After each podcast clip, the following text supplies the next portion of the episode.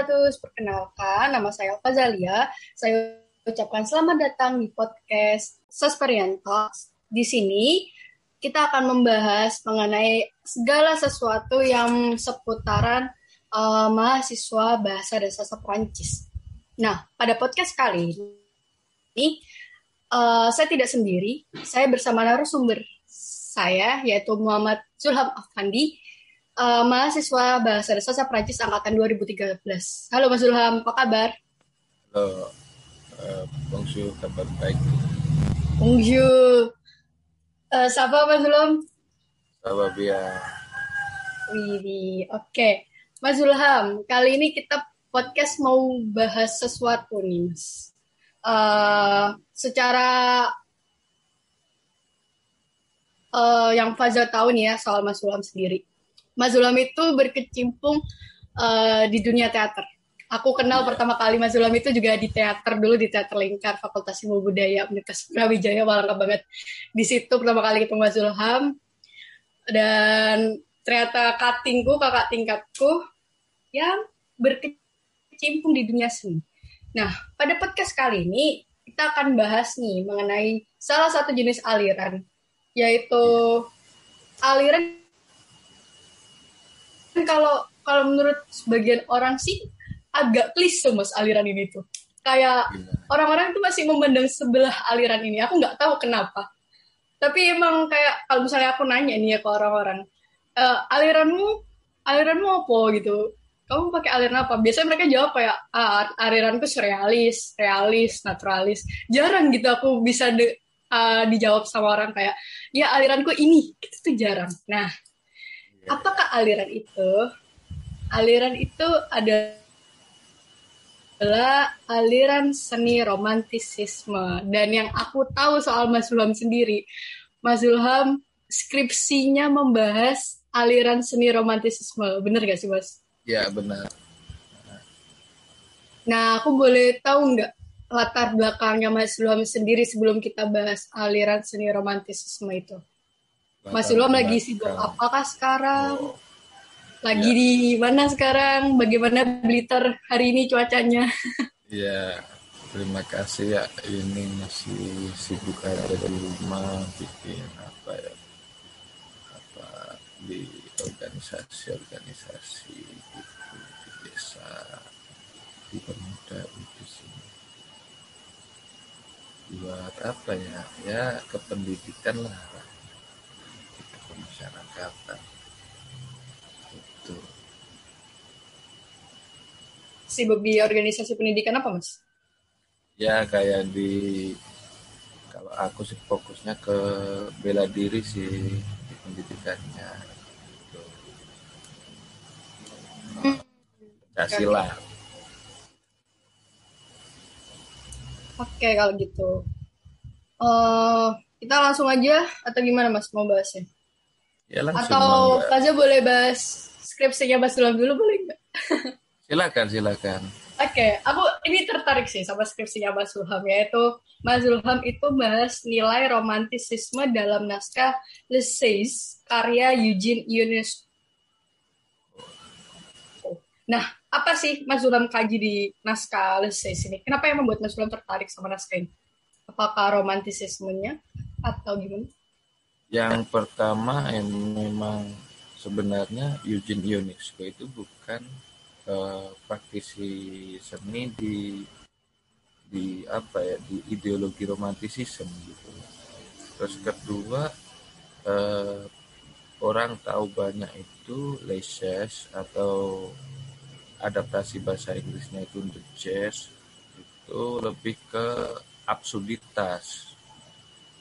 Tapi di sini uh, saya menemukan adanya uh, di naskah tersebut menemukan adanya wah ini ada nih apa nilai-nilai romantisisme soalnya naskah tersebut itu uh, menceritakan dua orang yang sudah tua yang terjebak itu di tengah-tengah pulau gitu untuk menikmati masa tuanya yang nggak ada masa depan sama sekali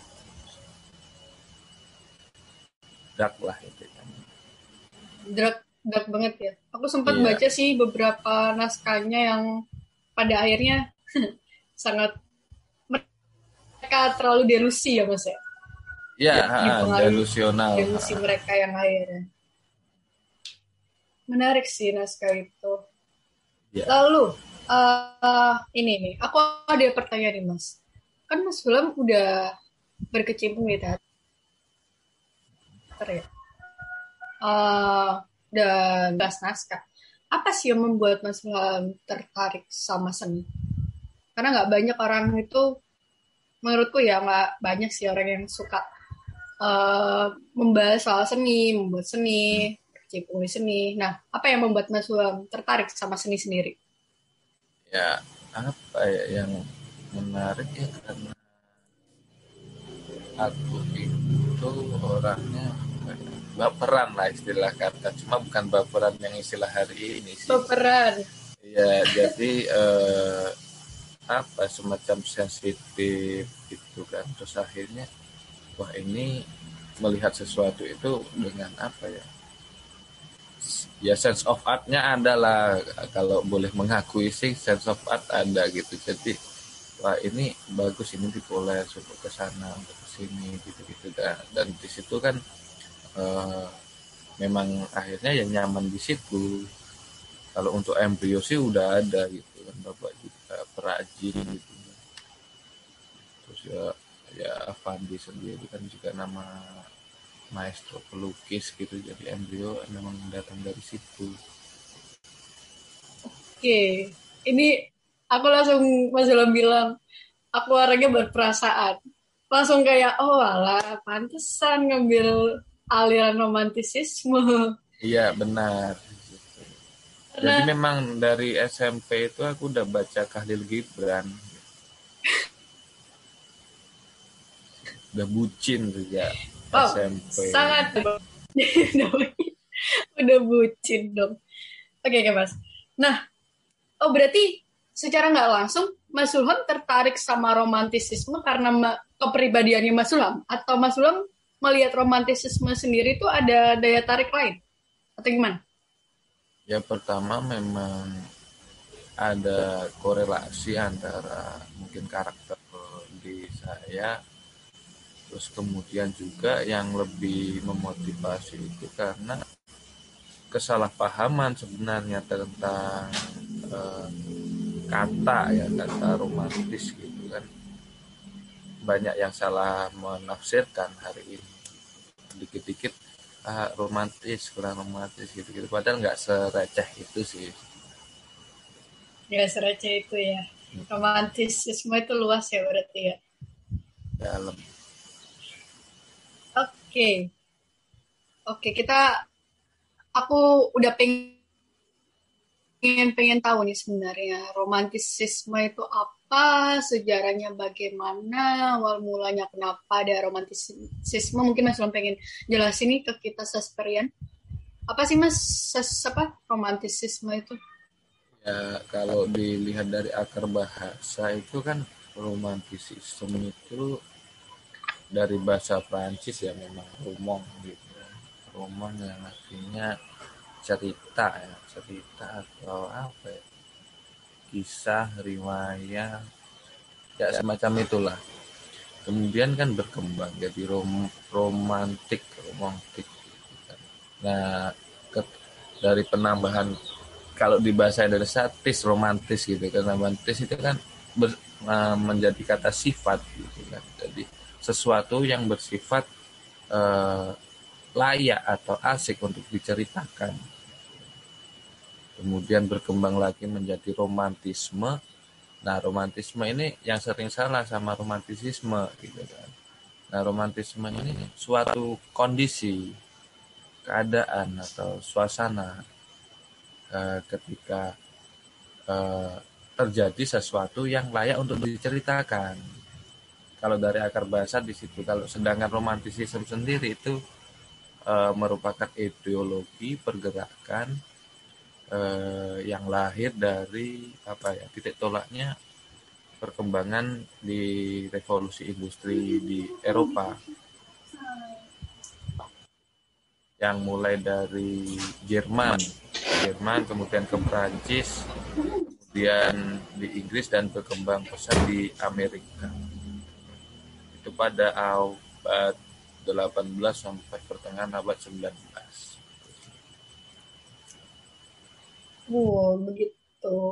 Menjadi per, mm, perju apa rumah jadi lebih tepatnya romantisisme ini sebenarnya pergerakan perjuangan eh, kaum kaum apa ya ya kaum kaum romantik ini eh, ketika ada teknologi baru ini semua kok menjadi mesin gitu eh, sisi-sisi humanisnya mulai berkurang terus toleransinya berkurang gitu apresiasi terhadap keindahan terhadap rasa itu mulai berkurang gitu. Jadi muncullah pergerakan itu gitu. Bentar mas. Berarti menurut Mas Zulam ini dalam uh, kehidupan manusia sangat penting sekali mengenai perasaan dan emosi bukan lagi kalau menurutku sendiri uh, uh, ya menurut saya gimana? Karena kalau menurutku sendiri hmm, perasaan emosi itu menjadi sesuatu yang bisa mengganggu kehidupan kita sebagai manusia. Agak ekstrim sih mungkin pendapatku ini. Cuman menurut Mas sendiri gimana? Ya pertanyaannya bukan seberapa penting aja sih tapi lebih tepatnya kita nggak bisa lepas dari itu gitu perasaan itu sudah apa ya menyatu gitu. Jadi kalau di teorinya Imam Ghazali gitu, Al Ghazal gitu, itu di kitab kimia Atus ada gitu. Sepur, apa sorry ini ada bahas Enggak literasinya pakai uh, pesantren juga. Iya mas, aku suka juga. Gimana? Jadi uh, manusia itu memiliki empat Nah itu dianalogikan Imam Ghazali itu dengan kuda, kemudian ada kusir, kemudian di dalam e, kereta itu ada seorang raja. Kuda dua ini adalah nafsu sama amarah, kusir ini adalah ego atau logika atau rasional. Nah, sedangkan raja di dalamnya ini adalah rasa hati jadi yang emosi itu lebih tepatnya bukan hati tapi lebih ke kuda ini tadi. Perasaan-perasaan yang timbul dari eh, apa ya respon respon kita terhadap sesuatu yang apa ya yang menimpa kita entah itu bentuknya abstrak maupun konkret. Oke. Okay. Penggambaran kuda itu menarik. Gitu jadi penggambaran kuda itu bagaimana kita mendalikan kuda itu? Nah, iya jadi emosi kemudian indrawi itu sebagai motivasi, sebagai pendorong, peng apa sih? penarik gitu. Tapi tetap butuh rasional kita untuk mengendalikan. Tetapi jangan lupa hati. Kenapa hati di sini di sama Imam Ghazali disimpulkan eh disimbolkan raja yang ada di dalam sebuah kereta. Karena hati ini bisa lemah bisa kuat. Kalau sang raja ini tidak membuka jendelanya dari kereta dia akan terbawa dengan kuda-kuda tersebut atau dengan uh, rasional yang dipimpin dengan ego yang ada dalam manusia. Tapi ketika raja itu membuka tirainya dan berani berkata jangan ke sana atau belok ke sini. Nah, itu yang nama yang dinamakan nurani. Salah paham hati dengan hati nurani sebenarnya di situ. Kalau hati itu sebenarnya ada di otak kanan kita. Batin itu ada di otak kanan kita. Oke, ini menarik. Dari kita udah tahu nih uh, emosi, perasaan, yang akhirnya timbullah aliran seni romantisisme ini muncul. Oke. Okay. Iya. Yeah. Uh, terima kasih banyak Mas Zulam. aku semakin tertarik sama aliran seni romantisisme ini gara-gara kita bahas tentang emosi perasaan sebuah manusia yang akhirnya uh, membentuk uh, romantisisme, homos yeah. kalau orang bilang kan. Ini mas, aku mau nanya, ada nggak sih bentuk karya favoritnya Mas Ilham, terutama yang membawa aliran seni romantisisme, ada nggak Mas? Kalau hari ini nggak tahu ya jarang aja sih untuk update-update karya gitu. Tapi kalau dulu itu selain Khalil Gibran itu sebenarnya ada band band luar itu uh, dark romantik sih. Nah itu nanti berkembang ke emo gitu. Nah itu ada MCR My Chemical Romance. Gitu. Wih, semuanya membahas dengan emosi dan perasaan. Nah di situ. Hari ini sih mungkin ya lebih apa ya yang seni-seni suka ya ya Albert Camus itu sih lebih ke absurd tapi itu. kalau yang masalah romantik ya itu tadi. Oke mas. Uh, tapi ini aku masih agak bingung bingung sih agak pengen menanyakan lagi soal dari ini kita bahas emosi perasaan ya, romantisisme yeah. ya. Uh, itu pun kalau misalnya kita mencoba menyamakan sama humanisme kan juga mungkin agak mirip ya pengertiannya walaupun berbeda walaupun beda seperti yang kita tahu juga aliran-aliran lain pun juga kalau sama satu sama lain itu bisa disamakan tapi mereka berbeda serupa tapi berbeda kan nah apa yang membuat aliran seni rom romantisisme itu berbeda? Ya, yang jelas humanisme itu kan lebih bagaimana uh, ideologi, bagaimana uh, kita bisa memanusiakan manusia gitu. Jadi manusia satu dengan manusia yang lain. Sedangkan romantisisme ini tidak melihat itu. Romantisisme memang ada uh, keter kita tidak bisa lepas dari lingkungan sosial manusia antar manusia. Tapi di sini dalam romantisisme itu ada ciri yang apa ya? Ada lima ciri yaitu tadi apa? Perasaan, pengalaman, imajinasi, kerinduan sama yang satu ini individualisme. Nah, di situ uh, yang apa ya yang ambigu sih tapi sebenarnya individualisme ini berasal dari uh, apa sih pernyataan Emmanuel kan tentang das Ding an sich gitu kan. Jadi di dalam diri setiap man uh, uh, di dalam diri setiap manusia itu ada dirinya yang lebih besar gitu sesuatu yang kadang tidak bisa terungkapkan. Makanya Eh, kita butuh berkesenian itu salah satunya di situ. Untuk uh, apa ya kalau hari ini mungkin bisa katakan ngasih spoiler aja sih diri kita sisi kita yang lain gitu. Itu jadi uh, apa namanya? Gimana tadi pertanyaannya? Uh, yang membedakan romantis nah ya yang membedakan itu di situnya jadi ketika humanis itu berusaha untuk bagaimana manusia dengan manusia tapi kalau romantisisme itu lebih e, menumbuhkan bagaimana dusting ansing ini keluar gitu. bebas berekspresi di situ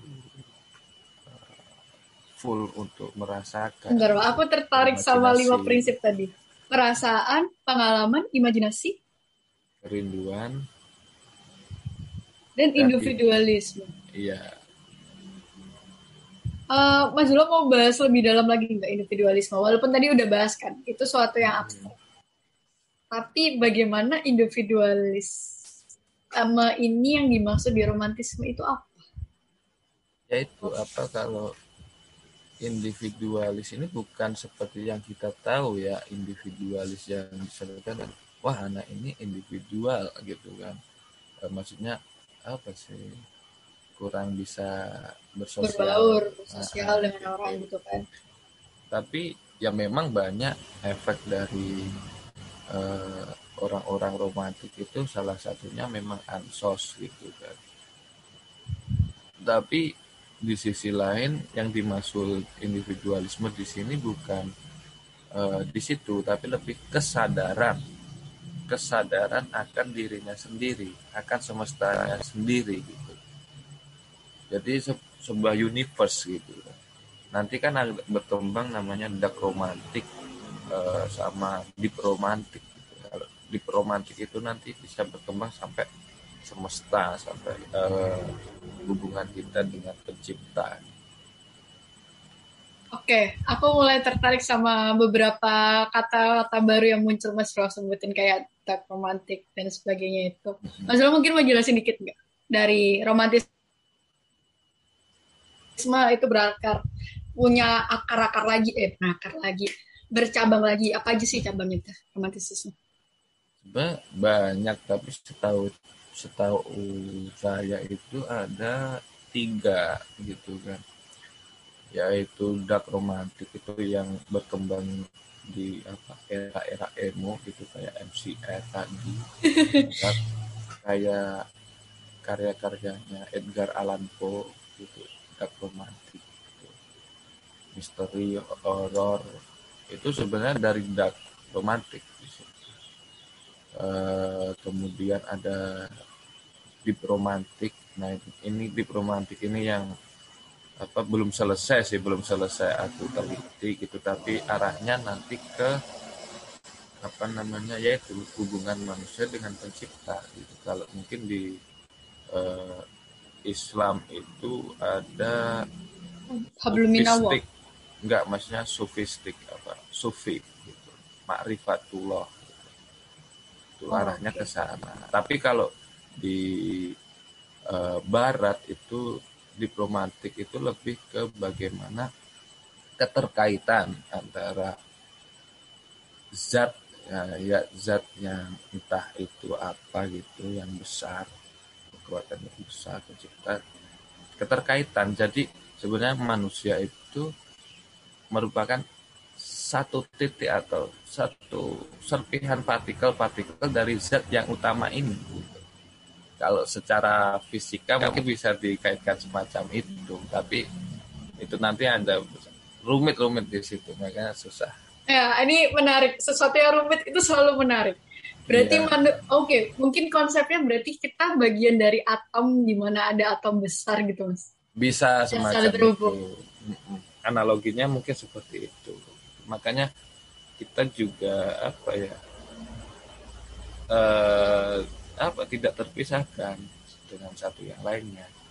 Jadi individual kembali lagi ke pertanyaan tadi individual itu bukan untuk memisahkan kita dengan makhluk yang lain tapi menyadarkan diri kita bahwa diri kita itu punya individu yaitu mulai dari hati, perasaan, emosi, pikiran itu tadi dan bagaimana kita bertindak gitu menjadi manusia.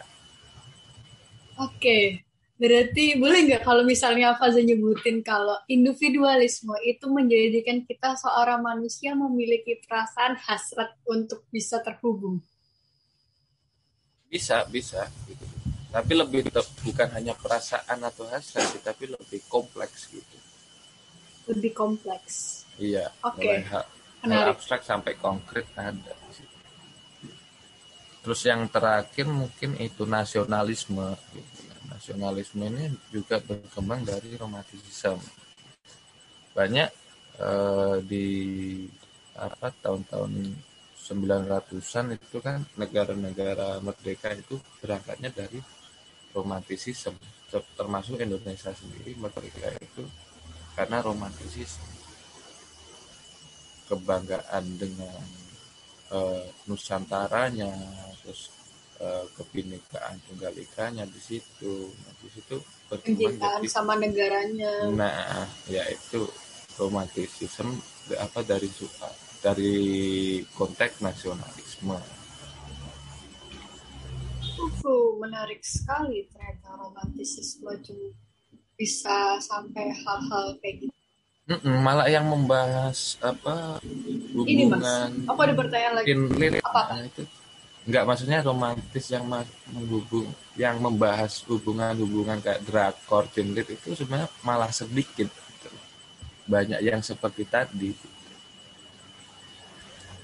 ah menurut Mas Ilham sendiri kenapa sedikit dibahas ya karena eh, cerita-cerita ya maaf ya apa agak ngomong drakor atau mungkin ya, apa, apa ya kayak cerpen-cerpen kinlit gitu. Kita ambil contoh yang sering muncul, nah, sering nggak iya. asing sama pendengar. Mm -mm.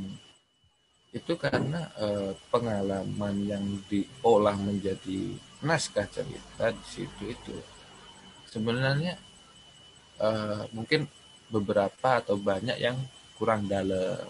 Jadi uh, mungkin misalkan cuma perasaanku ke kamu gitu tapi diolah dengan apa uh, dengan romantika romantika yang sedemikian rupa gitu slow motion terus salju turun gitu terus satu payung gitu kan loh bukannya itu jadi sebuah komunikasi penggambaran pema uh, perasaan mas dengan iya mm -mm. Cuma di sisi lain yaitu nggak hanya sekedar itu jadi orang awam lebih oh cukup sampai di wah romantis gak Titanic apa naik kapal terus uh, bersama-sama uh, gitu. berpegangan gitu. Ya memang itu romantismenya ada kuat banget. Tapi uh, motivasi dari romantis itu bukan hanya untuk uh, bagaimana aku bisa di apa ya bagaimana eksistensiku di mata orang yang aku cintai atau bagaimana aku di hadapan orang yang aku cintai bukan di situ tapi lebih bagaimana aku gitu bagaimana aku gitu jadi sadar dengan subjek bagaimana aku mencintai gitu. salah paham hari ini kan di situ bagaimana oh, aku dicintai okay. kalau menurutku sendiri ya mas cinta itu deskripsinya saat kita tidak bisa mendeskripsikan rasa manis itu apa? Secara ya. kata-kata. Ya, ya bisa juga, bisa juga. Tapi uh, itu kan karena apa? Pengalaman akan rasa manis itu terbatas gitu. Oke. Okay. Jadi ketika kamu ya itu tadi ada Berarti saat kita nge-explore romantisisme hmm, itu butuh banyak pengalaman. Butuh banyak. Oke okay, ini ini seru. Ini seru. Romantisme untuk bisa kita mengeksplor romantisme itu perlu pengalaman. Iya harus. Kenapa? Ya karena kita itu manusia otak kita itu mulai mulai lahir itu sudah dibekali dengan memori. Pengalaman ketika kita peka dan apa ya isinya uh, teliti atau menyimpan memori-memori tersebut kita akan kaya gitu. beda halnya dengan orang yang mungkin yang lebih apa ya acuh apa acuh tak acuh gitu cuek gitu kan ya udahlah masa lalu masa lalu gitu nggak usah diinget-inget gitu ya mungkin baiknya mungkin pada saat itu kita nggak terjibaku dengan masa lalu gitu karena eh, apa sih masa lalu adalah lumpur kalau ungkapan bahasa Prancisnya gitu lumpur lupa aku bahasa Prancisnya berarti nah, kita harus makin mengeksplor emosi dan perasaan itu mm -mm. dan memang harus terjun ke dalam lumpur itu tadi gitu. Itu sih. Jadi orang banyak eh, orang yang takut untuk apa terjebak dalam lumpur itu. Tapi ketika kita benar-benar masuk kita yeah. akan mengenal lumpur itu. Dan bisa mengendalikan lumpur itu. Benar. Banyak orang yang takut untuk masuk lumpur. Takut tenggelam. Iya. Yeah. menarik. Menarik. Analogi yang menarik sekali. Ini masalah Oke, kita udah tahu nih ya romantisisme sendiri itu luas. Awalnya dari sebuah emosi perasaan manusia sendiri yang jelas itu bagian dari manusia sendiri. Itu juga yang membuat manusia itu dibedakan dari robot bahwa kita punya emosi dan perasaan. Benar ya. nggak ya. Mas? Benar, benar, benar. Nah ini nih Mas Lam. Tentu tapi seperti yang kita tahu ya, nggak banyak juga sih orang-orang atau menciptakan karya dari aliran romantisisme sendiri. Mas Ulam sendiri ada um, pesan mungkin harapan untuk teman-teman Sasperian untuk ayolah kalian tuh harus mengeksplor emosi perasaan kalian pelajari lah romantisisme ini atau gimana ada pesan nggak buat Sasperian terutama ya. buat aku mungkin ingin dikertak ayo Zah, beremosi Zah. ya kalau untuk berkarya sih pasti itu tuntutan ada gitu ya. Soalnya di sastra Prancis sendiri kan juga proker apa seni departemen seni gitu kan. Nah tapi untuk masalah ke arah romantisisme ini aku nggak nyaranin sih. Loh kok nggak nyaranin? Iya soalnya ya dulu Abing itu Abing ya 2015 Abing itu kan juga neliti romantis mau meneliti huh? romantisisme gitu kan. terus kemudian ngobrol sama kamu terus aku tanya kamu mau meneliti romantisme apa romantisisme gitu. eh, apa bedanya mas romantisme nah, romantisisme ya, itu, ya seperti yang dijelaskan di awal tadi romantisme itu lebih ke kondisi kondisi sesuatu yang indah yang asik untuk diceritakan yang penuh rasa dengan romantisisme itu paham gitu pergerakan ideologi di situ kan. Akhirnya si Abing memilih wah romantisme aja aku sam gitu soalnya puisi objeknya puisi. Jadi lebih membahas sesuatu yang romantis dalam puisi itu. Okay. jadi kalau untuk terjun romantisisme itu butuh apa ya? Korban perasaan lah di situ nanti. Korban perasaan baik melengkapi pengalaman-pengalaman itu. Bisa apa ya? Bisa gangguan mental juga kesannya. Bahkan se ekstrim itu mas dalam kita iya. bisa mengenal hmm. romantisisme. Ya ketika aku belum membuka kembali teori Imam Ghazali masih terjebak di dark romantik itu ya hampir apa ya, ya sering cutting gitu-gitu kan bunuh di oh. gitu kan. Yep saya bisa sangat memahami perasaan itu berarti. Ya. Sesusah itu. Ya itu lucunya ketika saat kita udah mengeksplor emosi dan perasaan kita. Ya. Nah, lucunya di banyak mencari literasi-literasi di barat ternyata literasi di uh, apa ya istilahnya di rumah sendiri ada hmm. gitu ya itu apa Imam Ghazali tadi kisahnya ya Nah, Tuhan memberkati. Ya, alhamdulillah, puji Tuhan. Ini Mas, aku mau nanya nih. Aku kenal Mas Sulham di teater. Mas jadi sutradara pas waktu itu dan aku membantu menjadi asisten sutradara dan senang sekali bisa bekerja Mas. Uh, mungkin Mas Sulham bisa bagi nih ke teman-teman Sasperian tips untuk membuat karya atau apa pun itu memulainya bagaimana dulu? Mungkin bisa dibagiin ke kita, Mas. Ya, mulanya itu setiap karya itu apa namanya?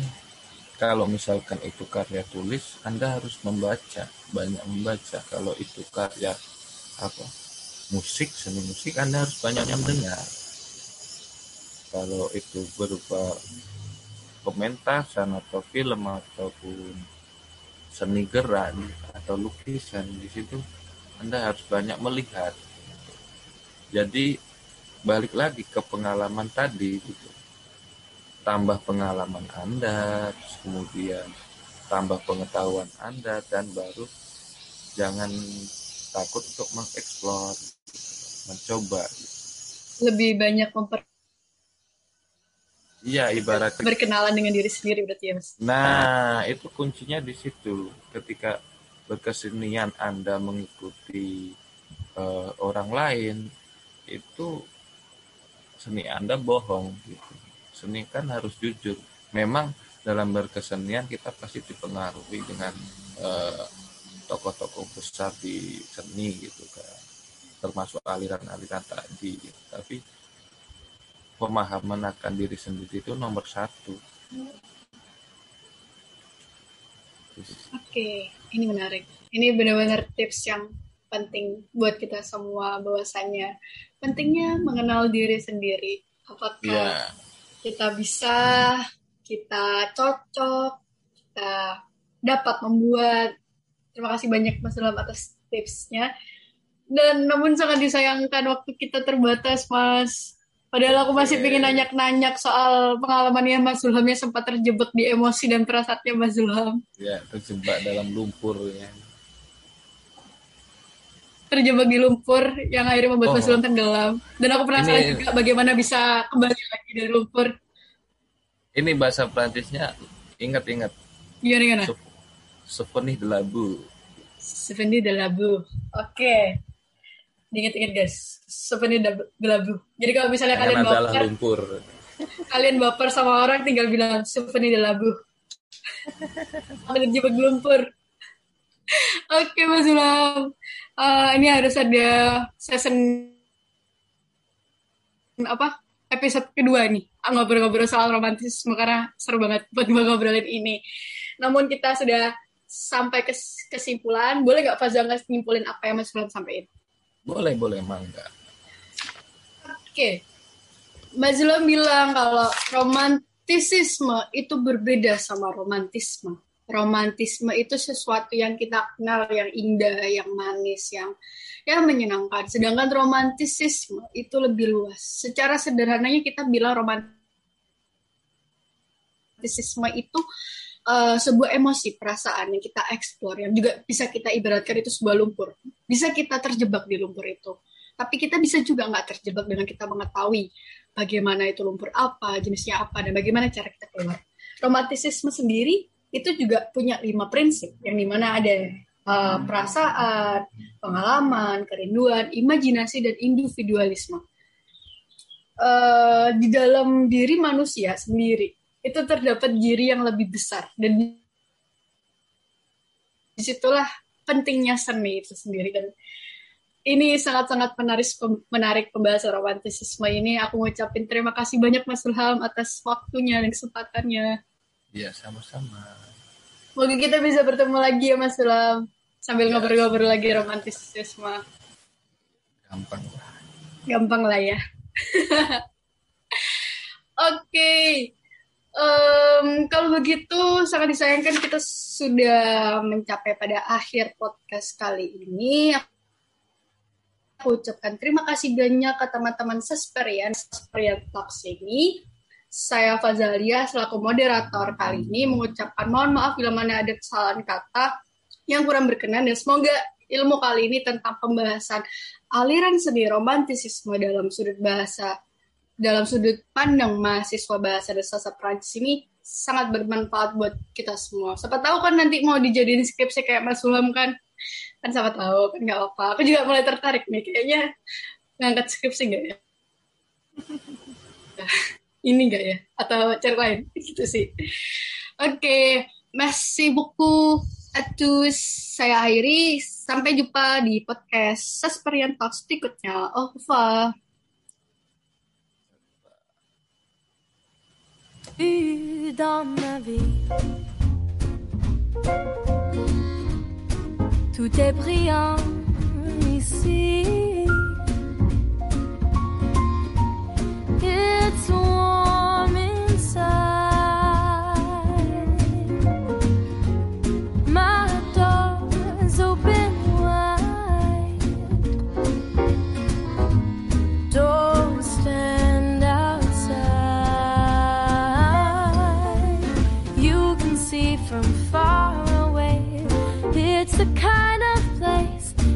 To stay, kick off your shoes, forget your strife. There's a light on in the hall, leading to a place where you can fall and rest your head, close your eyes. Welcome to my life. Everything's full of life